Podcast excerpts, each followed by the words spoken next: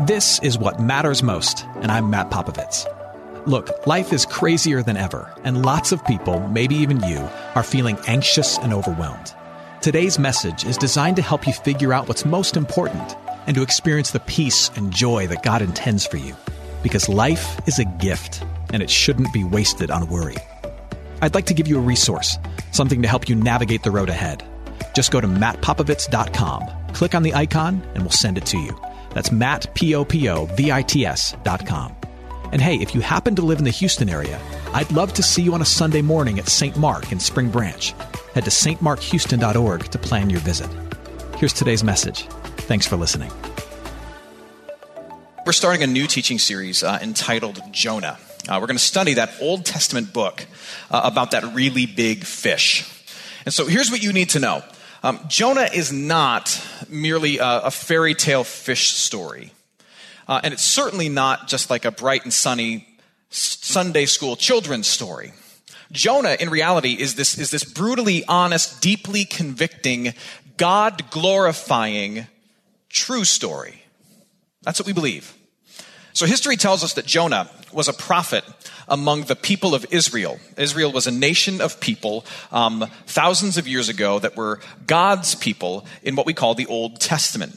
And Jonah was a prophet among those people, Israel, in the 8th century BC, so about 2,800 years ago.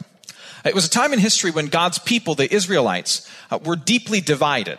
They had been split into two kingdoms two Israel kingdoms. And they were surrounded by nasty nations who threatened both of those kingdoms. And as a prophet, Jonah's job was simple. His job was to hear God's voice and then share it with God's people, which is what he did. So God would speak to Jonah and say, Hey, tell this to my people. And he would go and tell it to the people. And they would get mad. And he'd say, Don't be mad at me. It comes from God. I'm the mailman. Be mad at him. Until one day, when God said something to Jonah that to Jonah just seemed crazy. We heard it earlier. Let me read it again. The word of the Lord came to Jonah, the son of Amittai, saying, Arise, go to Nineveh, that great city, and call out against it, for their evil has come up before me. Now, Nineveh was a major city in the ancient world. Um, roughly 100,000 people or so called it home. And remember, this is the 8th century BC. That's a lot of people. But more than that, Nineveh was roughly 500 miles away from where Jonah was. 500 miles. They didn't have airplanes quite yet. 500 miles away from where Jonah was, and it was in the heart of enemy territory in a country called Assyria. Assyria was a nation that just 30 years later would rise up and overtake Israel. So this was dangerous, foreign, far away country filled with nasty people. For Israel, Assyria was, was dangerous. It was like the streets of Baghdad with ISIS on the loose. It was, it was strange, like, like Staten Island or Canada, right? You just didn't go there. And not only did God say to Jonah that you should go to Nineveh, he told Jonah that he should go to Nineveh and he should call them out on all their sin and he should try to convert them into faith in the one true God. And as a prophet, Jonah knew God's voice and he could tell that this was a completely legitimate word from God. But even so, it sounded really difficult and really hard and really dangerous. And so Jonah said to himself, well, if I go there, then you're going to save these people because that's what you do. You save hard hearted people. And I hate these people. I don't have the time. I don't have the desire. I don't have the heart for this. So I ain't going. No. Jonah isn't the only one who says no to God. That's the big idea of this book. I believe that's the reason it's, it's in this collection of books that we call the Bible. Jonah isn't the only one who says no to God. We all say no to God. There are certain areas of our lives where we know clear as a bell on an HD screen what we should do, either via the gift of our conscience or the clarity of God's word, we know what we must do, but because it conflicts with what we want to do, we don't do it. But my belief is that no matter who you are, that there is an area in your life right now in which God is calling you to some specific act of obedience. Obedience, for our purposes this morning, could be defined like this surrendering your plans to God's purposes.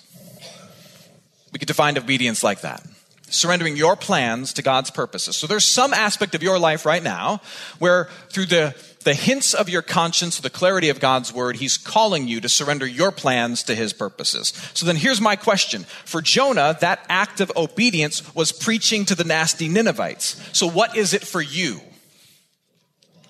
What's your act of submission of your plans to God's purposes? What are you doing about it? Are you even wrestling with it? Are you trying to ignore it and pretend it doesn't exist? Or are you doing what my boy Jonah does and you just straight up running from it? Like, nope, going in the opposite direction. Because that's what he does. Take, pick up at verse 3. Jonah rose to flee to Tarshish, which, in case you can't read, is not Nineveh. Jonah rose to flee to Tarshish from the presence of the Lord. So he's literally saying, I don't want anything to do with you. I'm running in the opposite direction. He went down to Joppa and he found a ship going to Tarshish. So he paid the fare. And in the Hebrew, it literally says he bought the boat and hired the crew. He laid down a ton of money, paid the fare, went on board to go with them to Tarshish away from the presence of the Lord.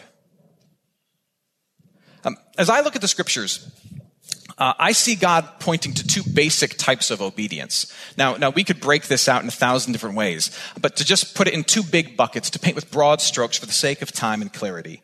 I think the scriptures point to two types of obedience that, that those who follow Jesus and who belong to God's family are called to surrender their lives to. And the first would be this. The first is simple obedience to God's standards. Think basic morality. I mean, whether you're a follower of Jesus, whether you believe in God or not, we all feel a collective sense of being beholden to some basic core sense of morality. We may quibble about many of the details, but we all feel that there's some basic core sense of morality. And what Christians believe is that God has outlined in plain language what it means to live according to his pattern in very basic ways. And, and, that's what we would say is summarized in the Ten Commandments. It's a summary of what it means to love God and love others. It's what's hinted at in our collective human conscience. Like we all agree that it's bad to kill people. We all agree that it's bad to root for the Yankees. We all agree about these things, right? At least the smart ones do. We see it modeled in the life of Christ. We see it expounded upon in the New Testament. At the most basic level, God desires for us to actively examine our lives in terms of joyful obedience to his simple standards of what it means to love him and love our neighbor with ourselves. Now, now please hear me. I am not intending to hint at all that we are somehow saved by that kind of obedience to basic morality. Or that we somehow receive more of God's favor and his pleasure when we submit to that basic morality. Or that we somehow get a little step closer to God when we're a good person. It's not how God works at all. God is a good parent, not a bad parent. A bad parent will say, I love you more when you obey me. A good parent will say, I love you, regardless of whether you obey me. And that's who God is. We are brought into God's family solely through faith in the work of Jesus Christ on the cross that gets applied to you in your baptism and is spoken and given to you over and over again when you hear God's word of who Jesus is and what he's done for you. And yet, just like with our kids, once you are in the family of faith and forgiveness, the journey is then one of growing and maturing and embracing the values of that family.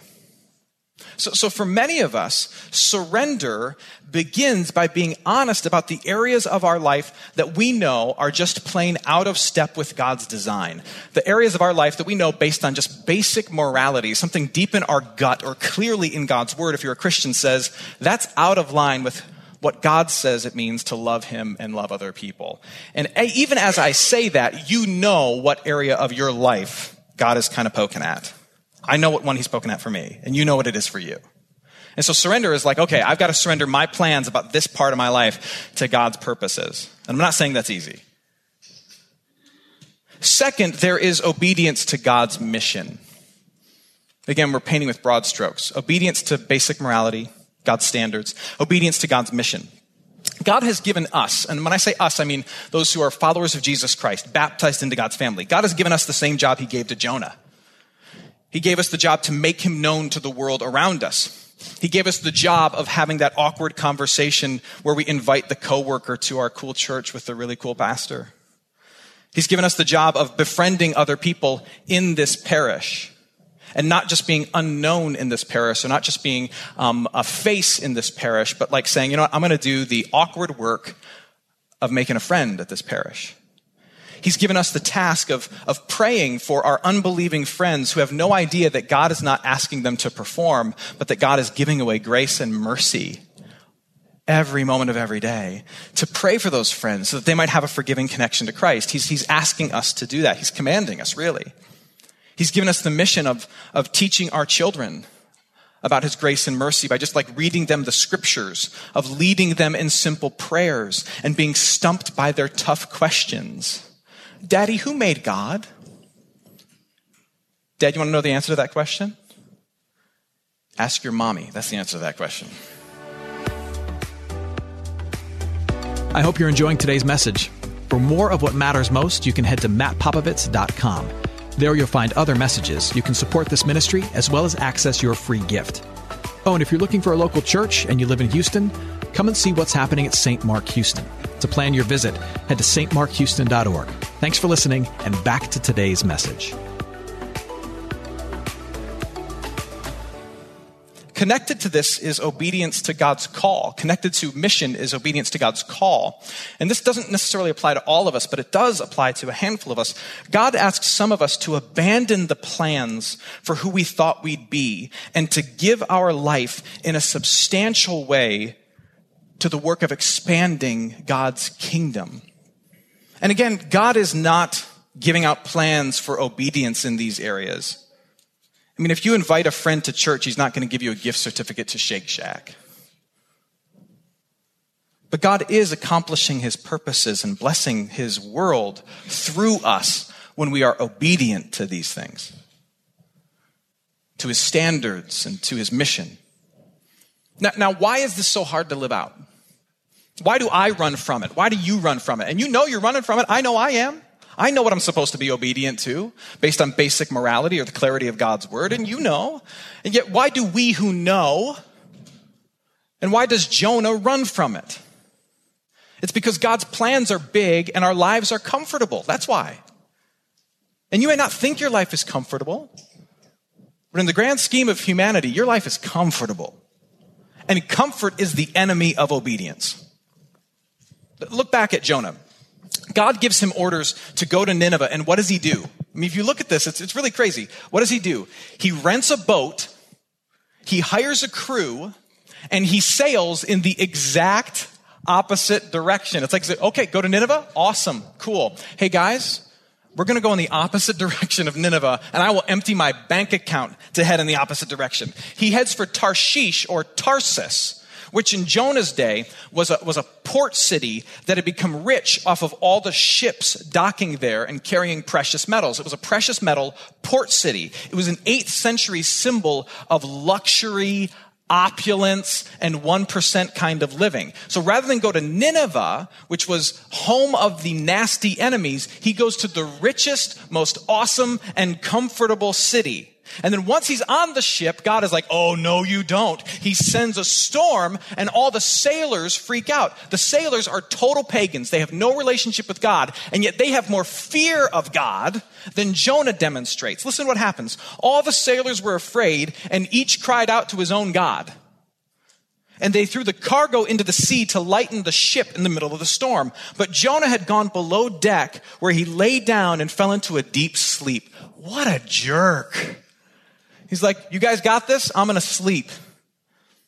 The captain went to him and said, How can you sleep? Get up and call on your God. We're all calling to ours. You call on yours. Maybe he will take notice of us and we won't die. At every turn, despite knowing God's will, Jonah seeks to do what's comfortable. Preach to the enemies, I'll sail to Vegas. Help in a storm, I'll sleep in the ship. Why? Because doing the right thing is always the difficult thing. Let me ask you this. Perhaps by now God is revealing an area of obedience that you need to pursue as part of his plan to which it's time for you to surrender.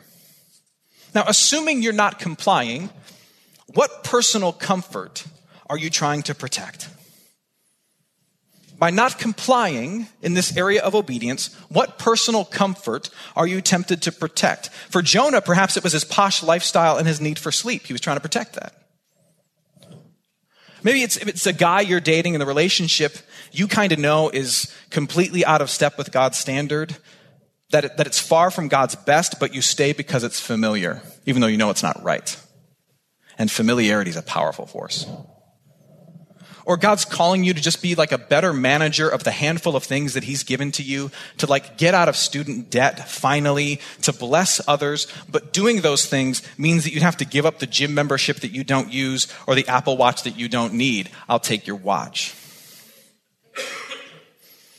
Obedience is hard.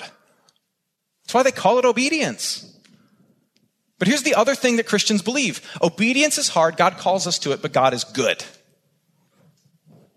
Do you believe that on, on, account of Christ and who he is and what he's done for you, that even though God calls you to obedience that is uncomfortable, that he will still take care of you, even if he demands sacrifice from you? Do we trust God enough to let him make us uncomfortable? I think that's a good question. Now, what I know about myself is when, when I lay out my excuses, well, here's why I'm not going to do this. Thanks, God. When I lay out my excuses, I end up becoming the one thing everybody claims to hate. When I know what I should do and what I confess everyone else should do, but then I lay out my excuses for why I don't do it, my actions contradict my confession, which makes me a hypocrite. And the worst thing to be in our world and our culture is what? A hypocrite. Again, we see this with Jonah in verse 8. God makes it clear to the sailors that Jonah is to blame for the storm striking their ship. And so the sailors ask for an explanation. What did you do, Jonah? Where do you come from? What is your country? From what people are you? He answered, I am a Hebrew and I worship the Lord, the God of heaven, who made the sea and the land. This terrified them and they asked, What have you done? They knew he was running away from the Lord because he'd already told them so.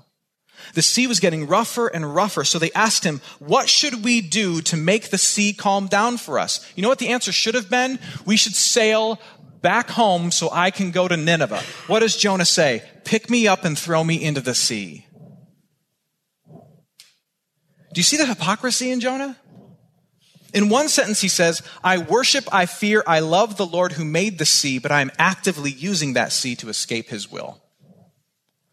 I'm a prophet of God, but I'd rather die than tell you to turn this boat around so I can be obedient to God. I'm a prophet of God, but I'd rather die than be obedient to him. And the non believing crew, they see how hypocritical this is. And so they, with more fear of the Lord than Jonah has, they do what he says and they throw him over. They say, hey, if you've got to die in order for this to stop, you go down into the water. We, like Jonah, if you're here as a Christian, we love the Lord. We, we believe he's glorious and we believe he's strong. We believe he's right. We believe he's holy. We even believe that he's loving and he's full of mercy. And yet, so often, I run to the sea directly away from what he wants me to do, and you do too. We run to avoid what's obvious. We run to protect our comfort. We go to great lengths. We'd rather die than do what's obedient. And as a result, God has every right to leave us alone and to let us drown in our dumb decisions. But He doesn't. Listen in. Then they took Jonah and they threw him overboard, and the raging sea grew calm. At this, the men greatly feared the Lord, and they offered a sacrifice to the Lord and made vows to him. But the Lord provided a great fish to swallow Jonah, and Jonah was inside the fish three days and three nights. This is how incredible God is. He does something unexpected, but effective. He sends a massive fish to swallow and to save Jonah from his suicide. He sends a massive fish to swallow Jonah and to save him from his self imposed destruction.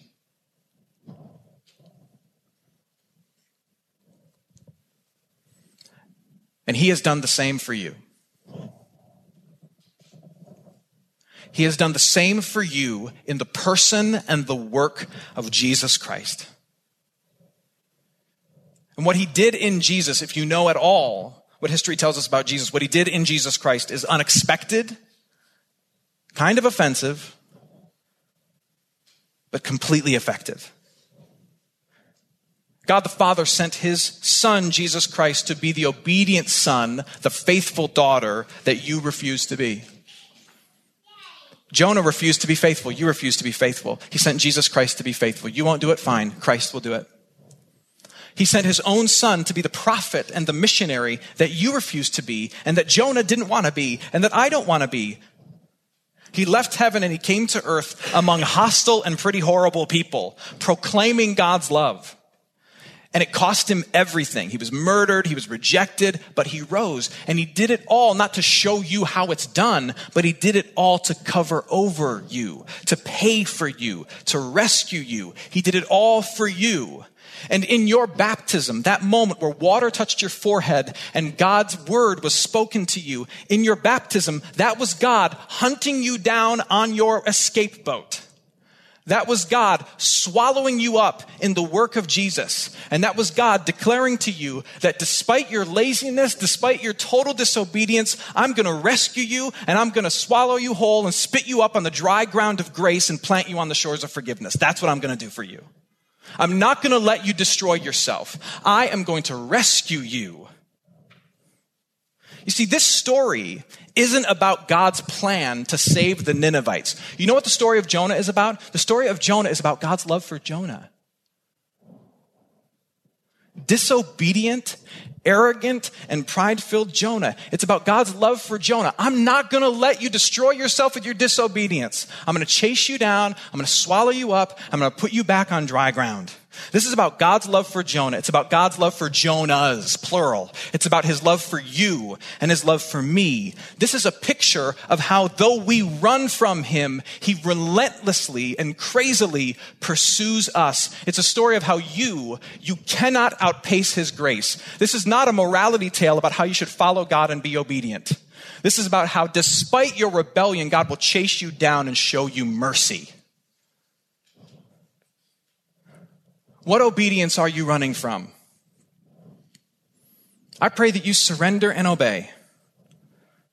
But that prayer is on the bottom of my list. You know what's on the top of my list? My prayer is that more than anything, you would believe that God in His great mercy is chasing you down despite your rejection of Him. And that when He catches you, when He lays a hold of you, He's not going to turn you around and demand that you do what He said. Instead, He's going to look at you and say, You cannot outpace my grace. You are forgiven. You are mine. You will not drown yourself in a sea of disobedience. I will lay a hold of you, rescue you, love you, and plant you on the dry ground of forgiveness. That's what I'm going to do for you. We are Jonah, but we are rescued and we are forgiven. Amen. Hey, it's Matt. I hope you enjoyed what matters most. Here's what I need you to know life is a gift, and it shouldn't be wasted on worry. I want to help you figure out what's most important and to experience the peace and joy that God intends for you. So, for more content, you can head to mattpopovits.com. That's Matt, P O P O V I T S.com. There, you can also support this ministry as well as access your free resource, a little something to help you navigate the road ahead. I'd also love to see you on a Sunday morning. If you're in the Houston area, head to stmarkhouston.org to plan your visit. In the meantime, hit me up on Instagram at mpopovits or at facebook.com slash Matt Popovits Ministries. Thanks for listening. Now go and hold tight to what matters most.